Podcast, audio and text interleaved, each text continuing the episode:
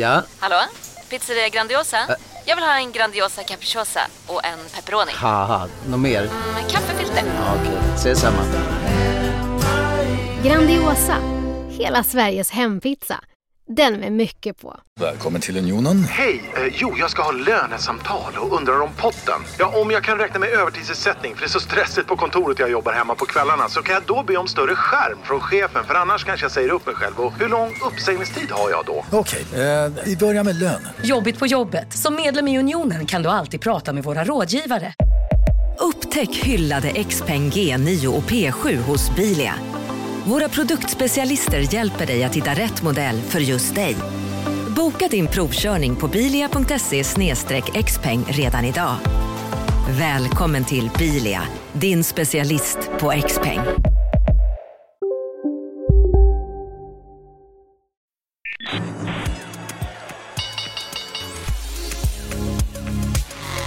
Det här är Affärsvärlden med Helene Rådstein. Hej och välkommen till programmet där vi varje torsdag fördjupar oss i affärsvärldens journalistik. Jag heter Helene Rothstein och med mig idag har jag Per Agerman, Sveriges främsta reporter vad det gäller ekonomisk brottslighet kan man väl säga. Eh, Det är du som säger det, tack så mycket. Eller har du någon konkurrent där ute? Ja, men det finns väl flera, men jag har följt eh, den typen av, av ämnen och stories under många år, så jag har viss erfarenhet, absolut. Ja, det kan man säga. Och eh, vi ska alldeles strax prata om eh, vad du har skrivit i senaste numret av Affärsvärlden som kommer ut nu. Det är om den insider och talare Johan Karlström, en rättegång som skjuts upp mot honom. Men först bara lite kort. Du började på Värnpliktsnytt, eller hur? Och sen vidare, vad har du varit på E E24? Mm, ja, precis. Jag kom till Affärsvärlden och var reporter där under sju år, 2002 till 2009.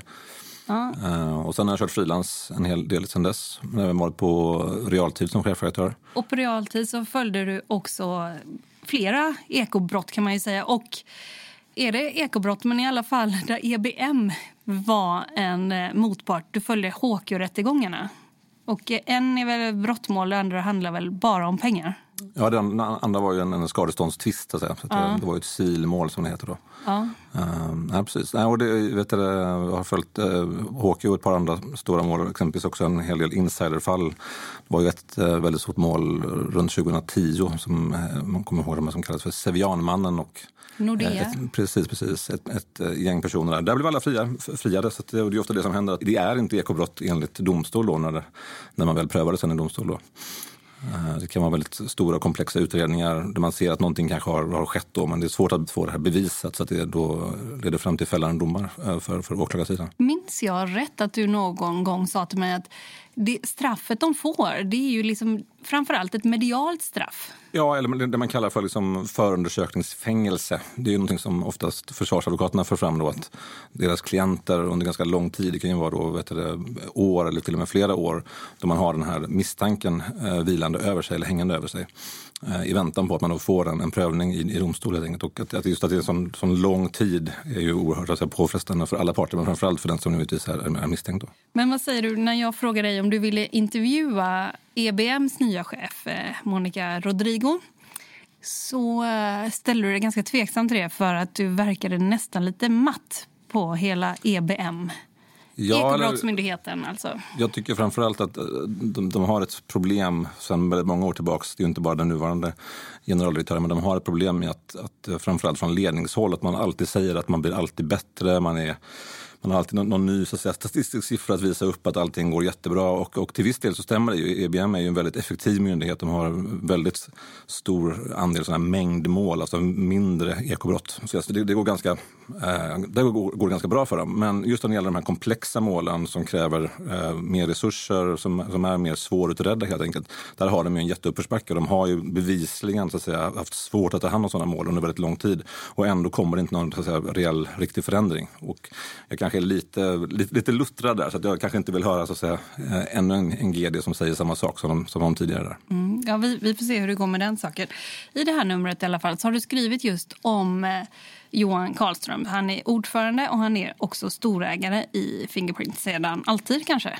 Ja, liksom, han, han, han gick in som vd då, eh, 2009 och sen dess har han då ökat sin ägarandel i bolaget. Och han äger 6,37 procent av kapitalet och drygt 20 procent av rösterna. Men han har mer att säga till om på stämmorna kan man säga. Ja, han, han blir väldigt, med, med den röststyrkan så blir han väldigt dominerande i och med att alla ägare inte är på stämman helt enkelt. Så, så hans röstandel brukar ju ligga runt eh, kanske 60-70 procent. Och säga vad man vill om honom, men att eh, ha låg profil, det har inte tillhört hans paradgren kanske, eller? Nej, och det är också någonting som har gjort Fingerprint speciellt. Alltså just att det har varit väldigt mycket bass och ja, ska man säga, både medie, medieuppmärksamhet men också att han själv har gått ut i, framförallt via Twitter och haft en väldigt, eh, ja, väldigt hård för uh, speciell, speciell uh, stil där kan man säga för, för att vara då en representant för ett, ett, ett börsbolag helt enkelt.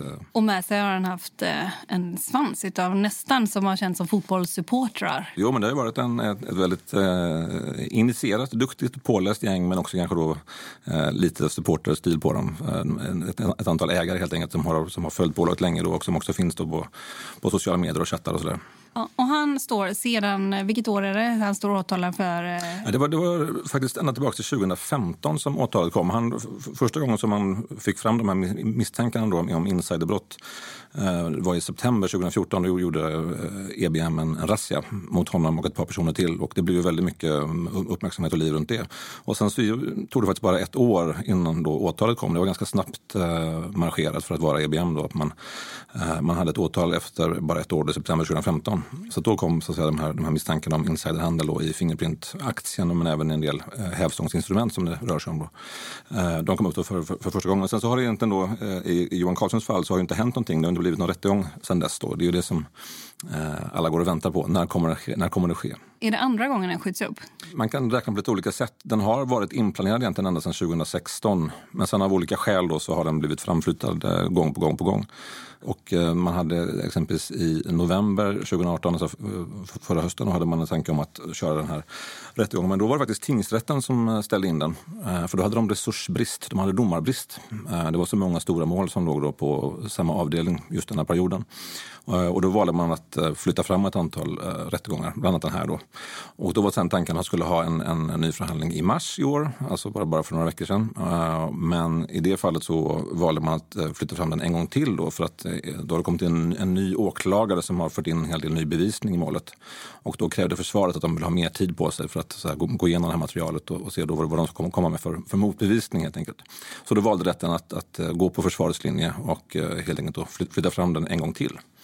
Eh, och då har man nu förhandlat under ett antal kan man säga, veckor om när ska då rättegången gå upp igen. Och då var planen från början att man skulle ha det i september, alltså nu efter sommaren. Men då är det så att Johan Karlströms försvarsadvokat Harry Samuelsson. Precis, som är en av de bästa och mest uppbokade advokaterna i den här eh, nischen. Eh, han har det här stora Allra-målet. Han är ombud där. Och Allra kommer gå under hösten, eh, oktober till december tror jag det eh, Eh, och då var han uppbokad under en, en, eh, stor del där. Och sen var även Johan Karlström uppbokad under en del av, av hösten med. Så att han hade svårt att ja, få ihop det helt enkelt. Så då har man nu sagt att man ska köra eh, med start i slutet på januari 2020. Så det är nästan fem år alltså efter att man väckte åtal. Det måste nästan vara en form av rekord tror jag i, i försening. Vad säger du om det? Fem år? Ja, men det, det är ett väldigt speciellt fall och det har ju varit eh, under, det har ju både varit, det har inte varit alla typer av förseningar och uppskjutanden som man kan tänka sig egentligen. Och en, en faktor som gjorde att det här blev mer komplext var att mitt under, då man när man väntar på den, att, att starta en, en rättegång på det första åtalet så var det så att Johan Karlsson blev misstänkt för ny insiderhandel. Uh, och då var man tvungen att utreda det. Så då blev det paus på själva eh, rättegångsplaneringen. Så att man hade, under nästan ett år hade man en, en uh, tillkommande utredning mot honom då när det gäller insiderhandel som var 2016. Var det. Men den utredningen lades då ner utan att eh, det blev något nytt åtal eh, i slutet på oktober 2017. Och först då så kunde man eh, börja planera på nytt när man skulle ha den här, den här rättegången. Men det är, det är en blandning av, av ja, saker som är ganska ovanliga då, exempelvis som att, att, att en tingsrätt ställer in en förhandling. Det är ganska ovanligt av, av resursbrist. Men sen också då att man har, att man har parter som är väldigt uppbokade, exempelvis då när det gäller försvarsadvokaten. Och på åklagarsidan, nu är det en som heter Jonas Myrdal. Mm, ja, precis. Och det är också speciellt. Man har haft tre olika åklagare då inne sedan 2014. Och den första åklagaren eh, slutade, gick till en annan eh, åklagarmyndighet. Den andra åklagaren bytte jobb internt på EBM och det var under hösten 2018. Och då kom Jonas Myrdal in som, som, som ny åklagare här. Och eh, han valde då att gå igenom, vilket han ska göra, han ska ju gå igenom hela, hela materialet, alltså hela, hela förundersökningen. Och när han gjorde det så valde han att eh, göra en hel del kompletteringar han har fört in en hel del ny e-post som bevisning då, mellan de här eh, inblandade aktörerna. Och han har också eh, lagt in en hel del eh, sina mäklarband, alltså samtal mellan Johan Karlström och hans mäklare på Mangold. Så han har fört in ett antal sådana som ny bevisning i målet. Då. Eh, och det var det som ledde fram till att försvaret sa att det kommit in så mycket ny bevisning här nu så vi, vi måste ha mer tid på oss för att, så att säga, eh, ja, helt enkelt hantera och gå igenom det här. Och det var då så att säga, som, som, som rätten valde att, att även flytta fram den här marsförhandlingen då, ehm, till 2020. Ja, Spännande vad det kommer leda till. Mer analys av hur Fingerprint-fallet kommer att utvecklas det blir det strax efter ett budskap från vår sponsor. Marknaden sponsras av SPP, pensionsbolaget. Eh, förra gången pratade vi lite om ITP och som en kort repetition så, så var det ju 70-tal, arbetsmarknadens parter bestämde att alla tjänstemän ska ha en tjänstepension. Man kom överens om vilka villkor som ska gälla i den här pensionen och så kallade man den för ITP. Så jobbar man idag som tjänsteman i ett företag med kollektivavtal, då har man förmodligen den här pensionen, ITP-pensionen. Eh, och det är ju så att man kan påverka eh, den här pensionen, hur den är placerad. Vart femte år så gör nämligen Collectum, som de heter, en enorm upphandling där olika pensionsbolag kan ansöka om att få förvalta eh, de här pensionerna. Och SPP är ett av bolagen som valdes ut i den senaste upphandlingen. Och sen kan du som pensionssparare välja eh, vilket av de här olika pensionsbolagen som, som då ska få ta hand om dina pengar. Och tanken med den här upphandlingen är ju att liksom kvalitetssäkra de här olika alternativen eh, men också att förhandla fram stora rabatter så att pensionsspararna ska få ja, kunna spara pengar genom att avgifterna eh, som är så viktiga eh, blir eh, lägre. Och vill man välja någonting i ITP-systemet då finns det en relativt ny sajt som heter avtalat.se. Ehm, där kan man gå in och se hur sin ITP-pension är placerad. Jag gjorde det häromdagen faktiskt. Ehm, idén är att hälften av pengarna alltid ligger i något som kallas för traditionell försäkring. Det här gjorde vi ett avsnitt om i podden Kapitalet nyligen eh, som vi kallade världens bästa sparform. kan man lyssna på om man är intresserad. Eh, den andra halvan eh, den kan man också lägga i en traditionell försäkring eller så kan man placera det i något som kallas för fondförsäkring. Eh, SPP som sagt eh, var ju ett av de fåtal bolagen som valdes ut i den senaste upphandlingen och de finns med som alternativ både med en traditionell försäkring och med eh, fonder. Så det var en liten bakgrund till ITP-systemet. Vill man läsa mer om det här eller typ kolla hur ITP-pensionen är placerad, eh, kanske göra förändringar, då går man in på avtalat.se Eh, men tack säger jag till SPP som vill göra oss människor mer medvetna om hur enormt viktig pensionen är för oss som en framtida lön, men också som en positiv kraft i samhället eh, och förstås för att ni möjliggör eh, den här podden Marknaden. Du har ju skrivit en bok också om Fingerprint. Den heter Fingerprint Story. Ja, precis. Tillsammans med Carolina Palutko-Macéus. Ja. Fick ni prata med honom då, Johan Karlström? Nej, vi fick inte göra någon intervju med honom uh, under vårt arbete med den här boken. Uh, tackade han nej till. Och sen så kommer en annan bok av, en annan författare, också ja, Fingerprint. I, i Retens tid, Patricia Hedelius kommer i höstas. Ja. Mm. Och hon fick prata med honom va? Det vet jag inte om de har sagt officiellt, men vi tror, man, kan väl, man kan väl av bokens innehåll man kan man anta att hon har fått göra det. Mm. På vilket sätt skiljer sig de här böckerna åt skulle du säga? Oj, vilken bra fråga. Eh, hon har väl lite mer kanske fokuserat på just Johan Karlström eh, och sen även två ytterligare då, de som är med eh, och är de mest aktiva på Twitter och i chattar och sådär. Är det Crowhater? Precis, bland annat, bland annat honom. Och Smartcard heter den andra. De, två, de tre kan man säga är väl lite grann huvudpersonerna i den här boken. Och våran, våran bok som vi skrev är mer en, en så att säga, story om, om hela, hela bolagets resa och eh, allt som har hänt egentligen. Så att vi har kanske inte, inte samma fokus på en viss person. Så. Om man tittar på de här eh, eko, liksom ekobrottsmålen. Jag tänker också på när det var mot Kviberg så kändes det som att han hade för det första en egen slags detektiv. Kristen Nager Hansen. Och de var ett helt gäng, de var ju nästan som en redaktion som jobbade tillsammans där. Alltså, hur ser du motsvarande, liksom, är det en trend som har hållit i sig andra mål skulle säga? Och eh, ser du det på åklagarsidan också, att man jobbar så? Jag ska säga, i de här stora målen så är det väl definitivt en trend, eller ja, man, man, man kallar in väldigt mycket resurser för att helt enkelt, det är så mycket information att bearbeta och, och um, man kan ju se att man kan få en fördel då om man, om man bearbetar all information som finns och sen då verkligen så att säga, får, får lägga fram det på, på, på rätt sätt i, i rätten. Uh, när det gäller just Ekobrottsmyndighetens arbete så det det ju varit länge eh, vad heter det, ett problem för de, de här stora målen och de har jobbat, försökt att ändra på sin metodik. De har haft in experter på liksom börs och marknadskunskap om man säger så. De, de fick sen försvinna efter några år och eh, man har försökt att nu har man sedan ett tag har man alltid två åklagare med i alla de här målen. Att man har liksom en huvudåklagare och sen en som är assisterande eller bisittare just för att verkligen täcka in alla, alla delar. Men man kan väl säga, och det gäller väl kanske för åklagarväsendet generellt, om man, om man kollar på Telia-målet som var uppe här under hösten, det var inte EBM då, men eh, där har man ju samma problematik att det är väldigt stora, det är långa tidsperioder, eh, det är väldigt mycket information, det är väldigt många personer att förhöra, Eh, det blir komplext, så att säga. det är svårt för åklagarsidan att, att, att säga, eh, driva och lägga fram det på ett bra sätt. Och tyvärr är väl det man kan se att de skulle kanske behöva ha lite mer just resursen när gäller eh, så att säga, pedagogiken i domstol helt enkelt. Hur man lägger fram det inför rätten. För, för rätten ska ju inte vara så att säga, påläst eller vara experter på ämnet utan de ska ju komma helt blanka. Eh, och då är det väldigt viktigt att man, att man får in så att säga, från början nyckelbegrepp och att man får förståelse för alltså, vad, är, vad är det här för någonting. Liksom, vad, är, vad är vad är insiderhandel liksom, exempelvis? Då, eller, eh, så där. Så att, och där tror jag att man har en hel del så här, utvecklingspotential. Man kan göra det bättre från IBMs sida. Ja. Och eh, vad det gäller Telia, vad ska vi säga, det är de här gamla Telia-cheferna som stod åtalade för mutbrott i Uzbekistan och de mm, friades. Den, precis, precis, precis, Och då såg man sådär som eh, journalist så har man inte sett de här företrädarna som Lars Nyberg på väldigt länge och sedan när eh, svaret från rättegången kom då, eller när de frias, så ser man ju också hur lång tid det har gått för man ser att folk faktiskt har åldrats ganska mm, ordentligt. Och det kan ju vara för att det är rättegång och sådär men eller för att man inte längre är i strålkastarljuset och sådär. Men det blir ganska tydligt rent så visuellt. Mm, absolut, absolut. Och sen är det ju också väldigt, det är ju väldigt jobbigt att, att sitta i en, en, förhandling som är kanske då en månad, två månader eller längre. Det är ju en väldig påfrestning. Så att säga. Du sitter ju med en väldig liksom, uh, fokus på dig själv och press på dig själv. Så att, säga. Så att de slåss ju för sig att, att då få en friande dom. Och det är klart att de, de, de måste ju täcka alla vinklar och liksom vara på helspänn sig hela tiden. När eh, jag har intervjuat uh, försvarsadvokater för, uh, ja, men till exempel under HQ härvan kan man säga. Olle Kullinger till exempel och Hans Strandberg var två som jag intervjuade. Då tycker jag att det finns något nästan förakt mot det statliga. Här hänger det också ihop med Finansinspektionen som stängde ner en bank och just den frågan har inte utretts. Liksom var det rätt eller fel och sådär.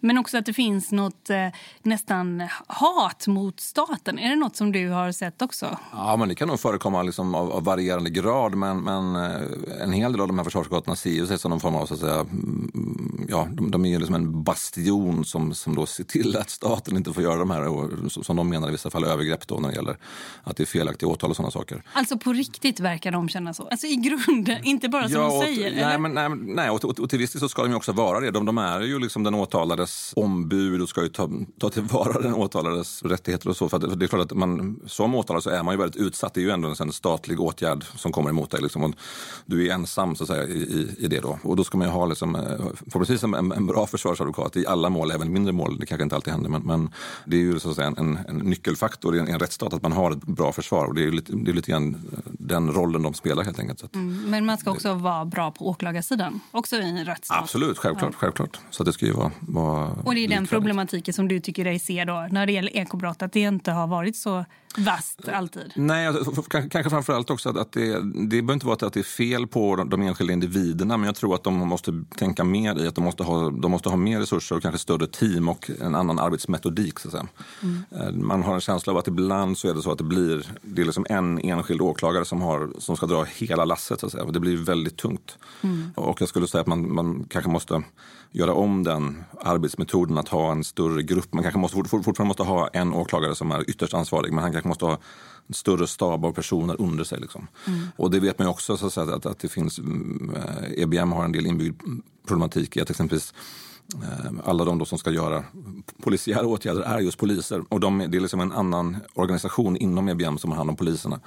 Uh, så det, det, finns en spricka också internt i EBM i de här teamen. Att det är liksom inte ett team utan egentligen två team kan man säga.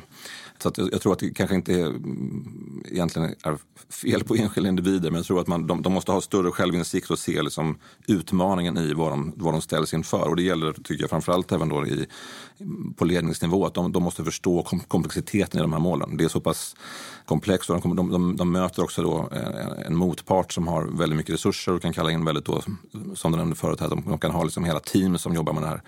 Och då, mm, om man inte har så att säga, samma, samma kapacitet eller samma eh, ja, arbetsmetod så, så kan man få, få problem helt enkelt. Intressant. Vad tror du eh, nu kommer hända? Blir han fälld?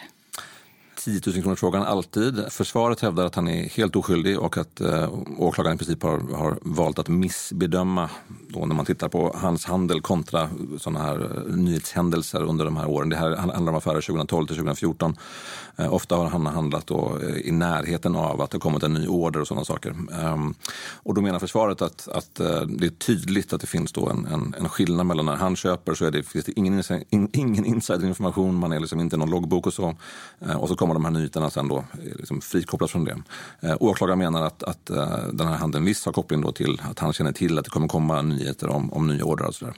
Eh, så det här handlar ju, det, blir, det som kommer avgöra är ju hur parterna lyckas lägga fram det här i rätten. Tyvärr det blir ett långt svar, men, men det handlar om att alltså, åklagaren måste ju verkligen lyckas bevisa då, och visa upp för rätten att handeln har som koppling till de här nyheterna så det finns inget tvivel om att, att det här är då felaktiga vad heter det, affärer helt enkelt. Det har ju varit flera fällande domar i Fingerprint Cards historia när det gäller insiderhandel. Det finns, det finns flera åtal och domar bakåt. Det har faktiskt blivit fällande domar. Det är ganska ovanligt.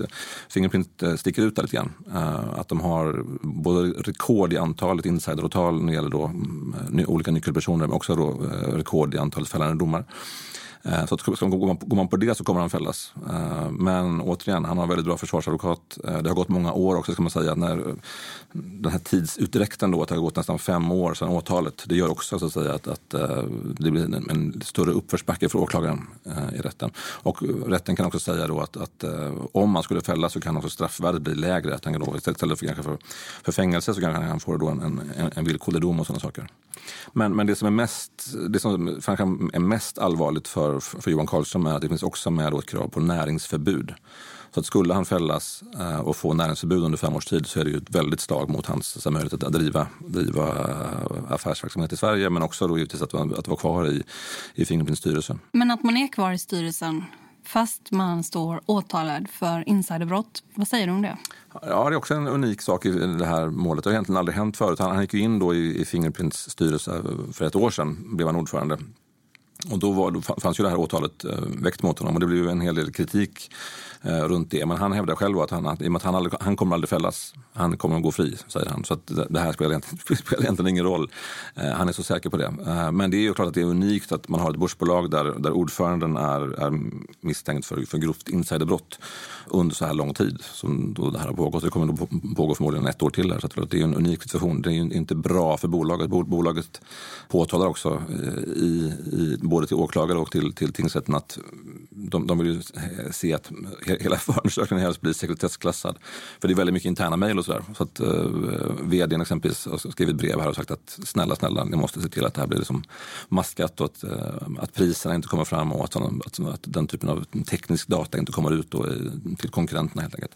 Så att, så att det här drabbar ju så att säga, eh, att det här har pågått så länge, eh, att det här har hänt, drabbar ju bolaget väldigt mycket. Det blir liksom en ja, det är lite grann en våt filt över, Eh, över bolaget. Men också det, givetvis då att, att, att det kommer fram en hel del intern information som normalt skulle vara då hemlig helt enkelt. Du lyssnar på Affärsvärlden med Helene Rådstein. Eh, marknaden sponsras av Karla. Eh, vi pratar ju en hel del om bilar här på kontoret. Karla har ju skapat, skulle jag säga, det som är standarden för hur man idag köper och säljer bilar på nätet. Eh, kort bakgrund bara. Eh, Karla säljer och leasar begagnade elbilar eh, och laddhybrider på karla.se. Alltså en helt eh, digital upplevelse. Och man har gjort det här med ett nästan maniskt fokus på vad en bilköpare faktiskt behöver. Jag gjorde ju en intervju med en av grundarna, Patrik Illerstig, i marknaden här eh, ganska nyligen, eh, daterad 25 mars, om man vill lyssna på den. Eh, men där berättar han hur de kom in i det här lite från vänster för att försöka uppfinna hela den här liksom bilköpupplevelsen från början. Och de har idag, vilket är rätt otroligt, 4,8 i betyg eh, på Trustpilot. Jag, jag har sett många företagssidor på Trustpilot, men det här är nog bland eh, det bästa jag någonsin sett faktiskt. Man kan sälja bilen till Karla också. Då går man in på karla.se, delar lite info om bilen, sen får man en gratis värdering och ett bud. De hämtar bilen helt gratis i hela Sverige och så har man pengarna på kontot i samma stund som de hämtar bilen. Det är grymt. Eh, så ska du köpa en ny bil eller sälja din gamla, eller båda delar för den delen, gå in på karla.se och eh, kolla. Alltså karla.se och Karla stavas med C. Tack så mycket till Karla. Jag såg det också på eh, tv för inte så länge sedan. Ligga på ett golv och rulla ut eh, bevis för bevis ur en kundlista som tillhörde Swedbank. Ja, just det. Det var hårt grävande arbete där. Ja. På riktigt hårt. Du är en av researcherna i penningtvättsskandalen som just nu eh, drabbar Swedbank. Vad, vad säger du? Ja, men det stämmer. Sen så, eh, vad heter det, jag, är, jag är en av flera i det här teamet då som har, har arbetat. Men eh, jag har varit researcher, absolut. Hur länge pågick det arbetet? Skarpt har det varit sen, sen, sen i höstas, ett antal månader eh, arbete. Och, eh, Eh, det har gått i lite, lite olika faser så att säga, under, under arbetets gång. Då, så att säga. Men, men, en väldigt stor fas har ju varit att titta på, att välja ut, att sortera fram, titta på vilka bolag och vilka transaktioner är det som man då kan bedöma som ja, helt enkelt misstänkta för att det här skulle kunna vara penningtvätt. Eh, och sen så gäller det att kolla på eh, i steg två sen när vi har de här namnen då, vad är det här för namn? Syns de någonstans? Är det här så att säga riktiga bolag eller är det här brevlådeföretag och sådär? Så det har varit en, en, eh, en process under ganska, då, ganska lång tid uh, att arbeta fram det här. Uh, slutresultatet som blev att vi, att vi hittade då, uh, 50 kunder och 40 misstänkta miljarder. 40 misstänkta miljarder som har gått från Swedbanks Baltikum-kontor vidare då, som ni har identifierat som penningtvätt? Precis, och där, och där har vi använt de normala metoderna för att titta på liksom, sådana antal flaggor helt enkelt. Alltså när man ska, ska då göra en transaktionsanalys på en bank, exempelvis det, det som Danske Bank gjorde under, under, förra året, då har man ett antal parametrar man tittar på liksom, eh, för, att, för att se, ger det här utslag då? Ger, ger det här en flagga för att det kan vara en, en, en misstänkt penningtvätt? Um, så det handlar, handlar mycket om att, att utgå från egentligen en, en standardmetod i branschen helt enkelt eh, som vi har använt. Och eh, de säger själva sådär, ja men vi kan inte kommentera enskilda fall säger de, vi har banksekretess. Vad säger du om det svaret? Det är ju oerhört liksom, defensivt och försiktigt. Eh, och I och med att hon tidigare, då, framförallt under hösten 2018, så var hon så oerhört tydlig med att de inte hade några problem med penningtvätt. De hade inte det här liksom då Danske Bank-problemet överhuvudtaget. De var ju väldigt tydliga med det i flera intervjuer. Så att hon, har liksom, hon valde ju linje redan i höstas. Hon har varit tvungen att hålla fast vid den linjen, linjen även fram till idag. Då. Men om man tittar på Danske Bank och de, de, de rapporterna som kommit ut där så har de har ju varit mer tydliga med att säga att x antal kunder, x antal miljarder pengar.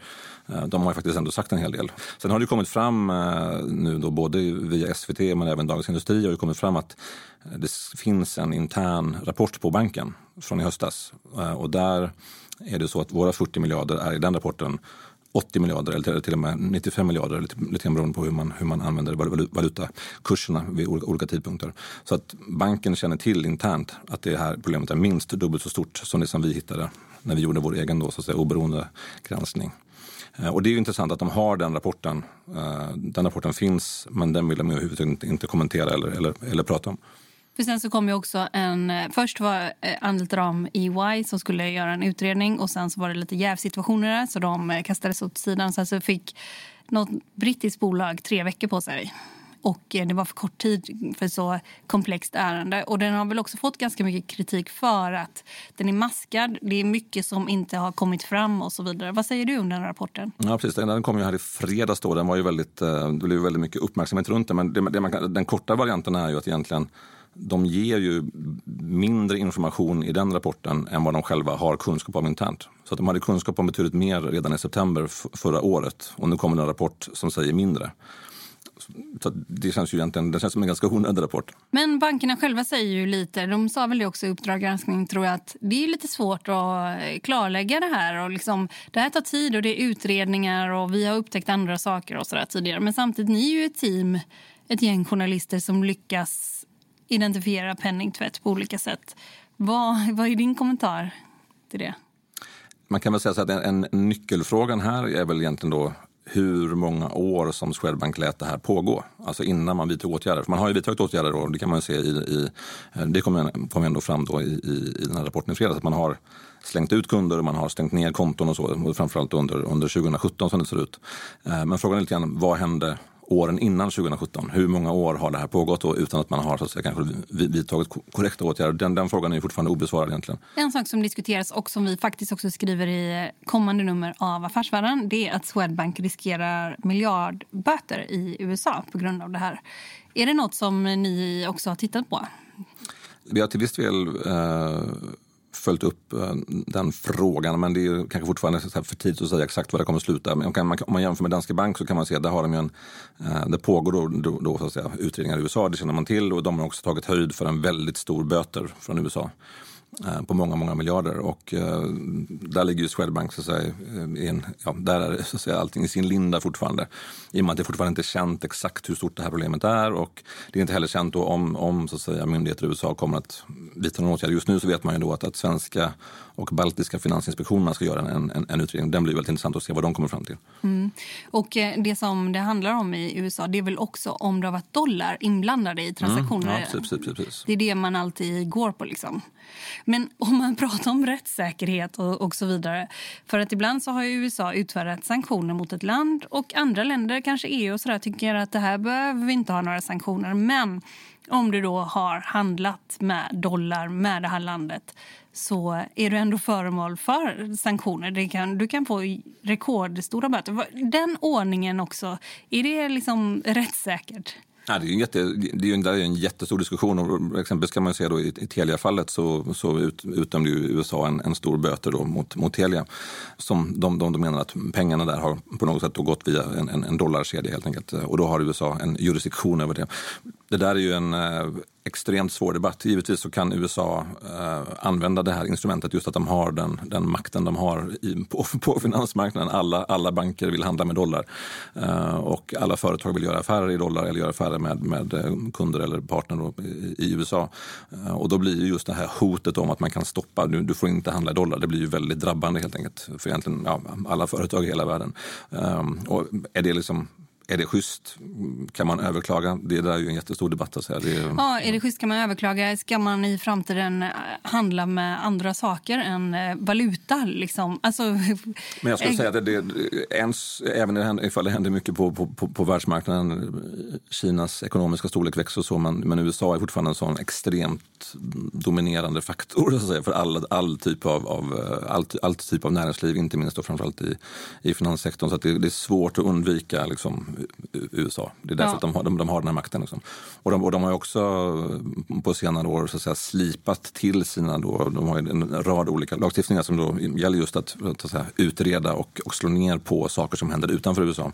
Bland annat så har de väldigt eh, förmånliga regler för visselblåsare. Så att eh, om man kommer från exempelvis Sverige eller ett annat EU-land och vill blåsa visslan så kan man göra det i USA. Då.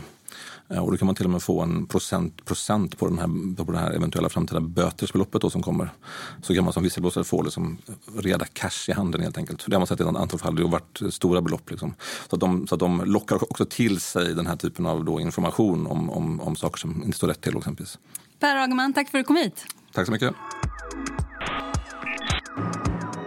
Du har lyssnat på en podd från Affärsvärlden. Jag heter Helene Rothstein. Mer fördjupande journalistik om näringslivet finns både på nätet och i Sveriges äldsta och faktiskt bästa affärsmagasin.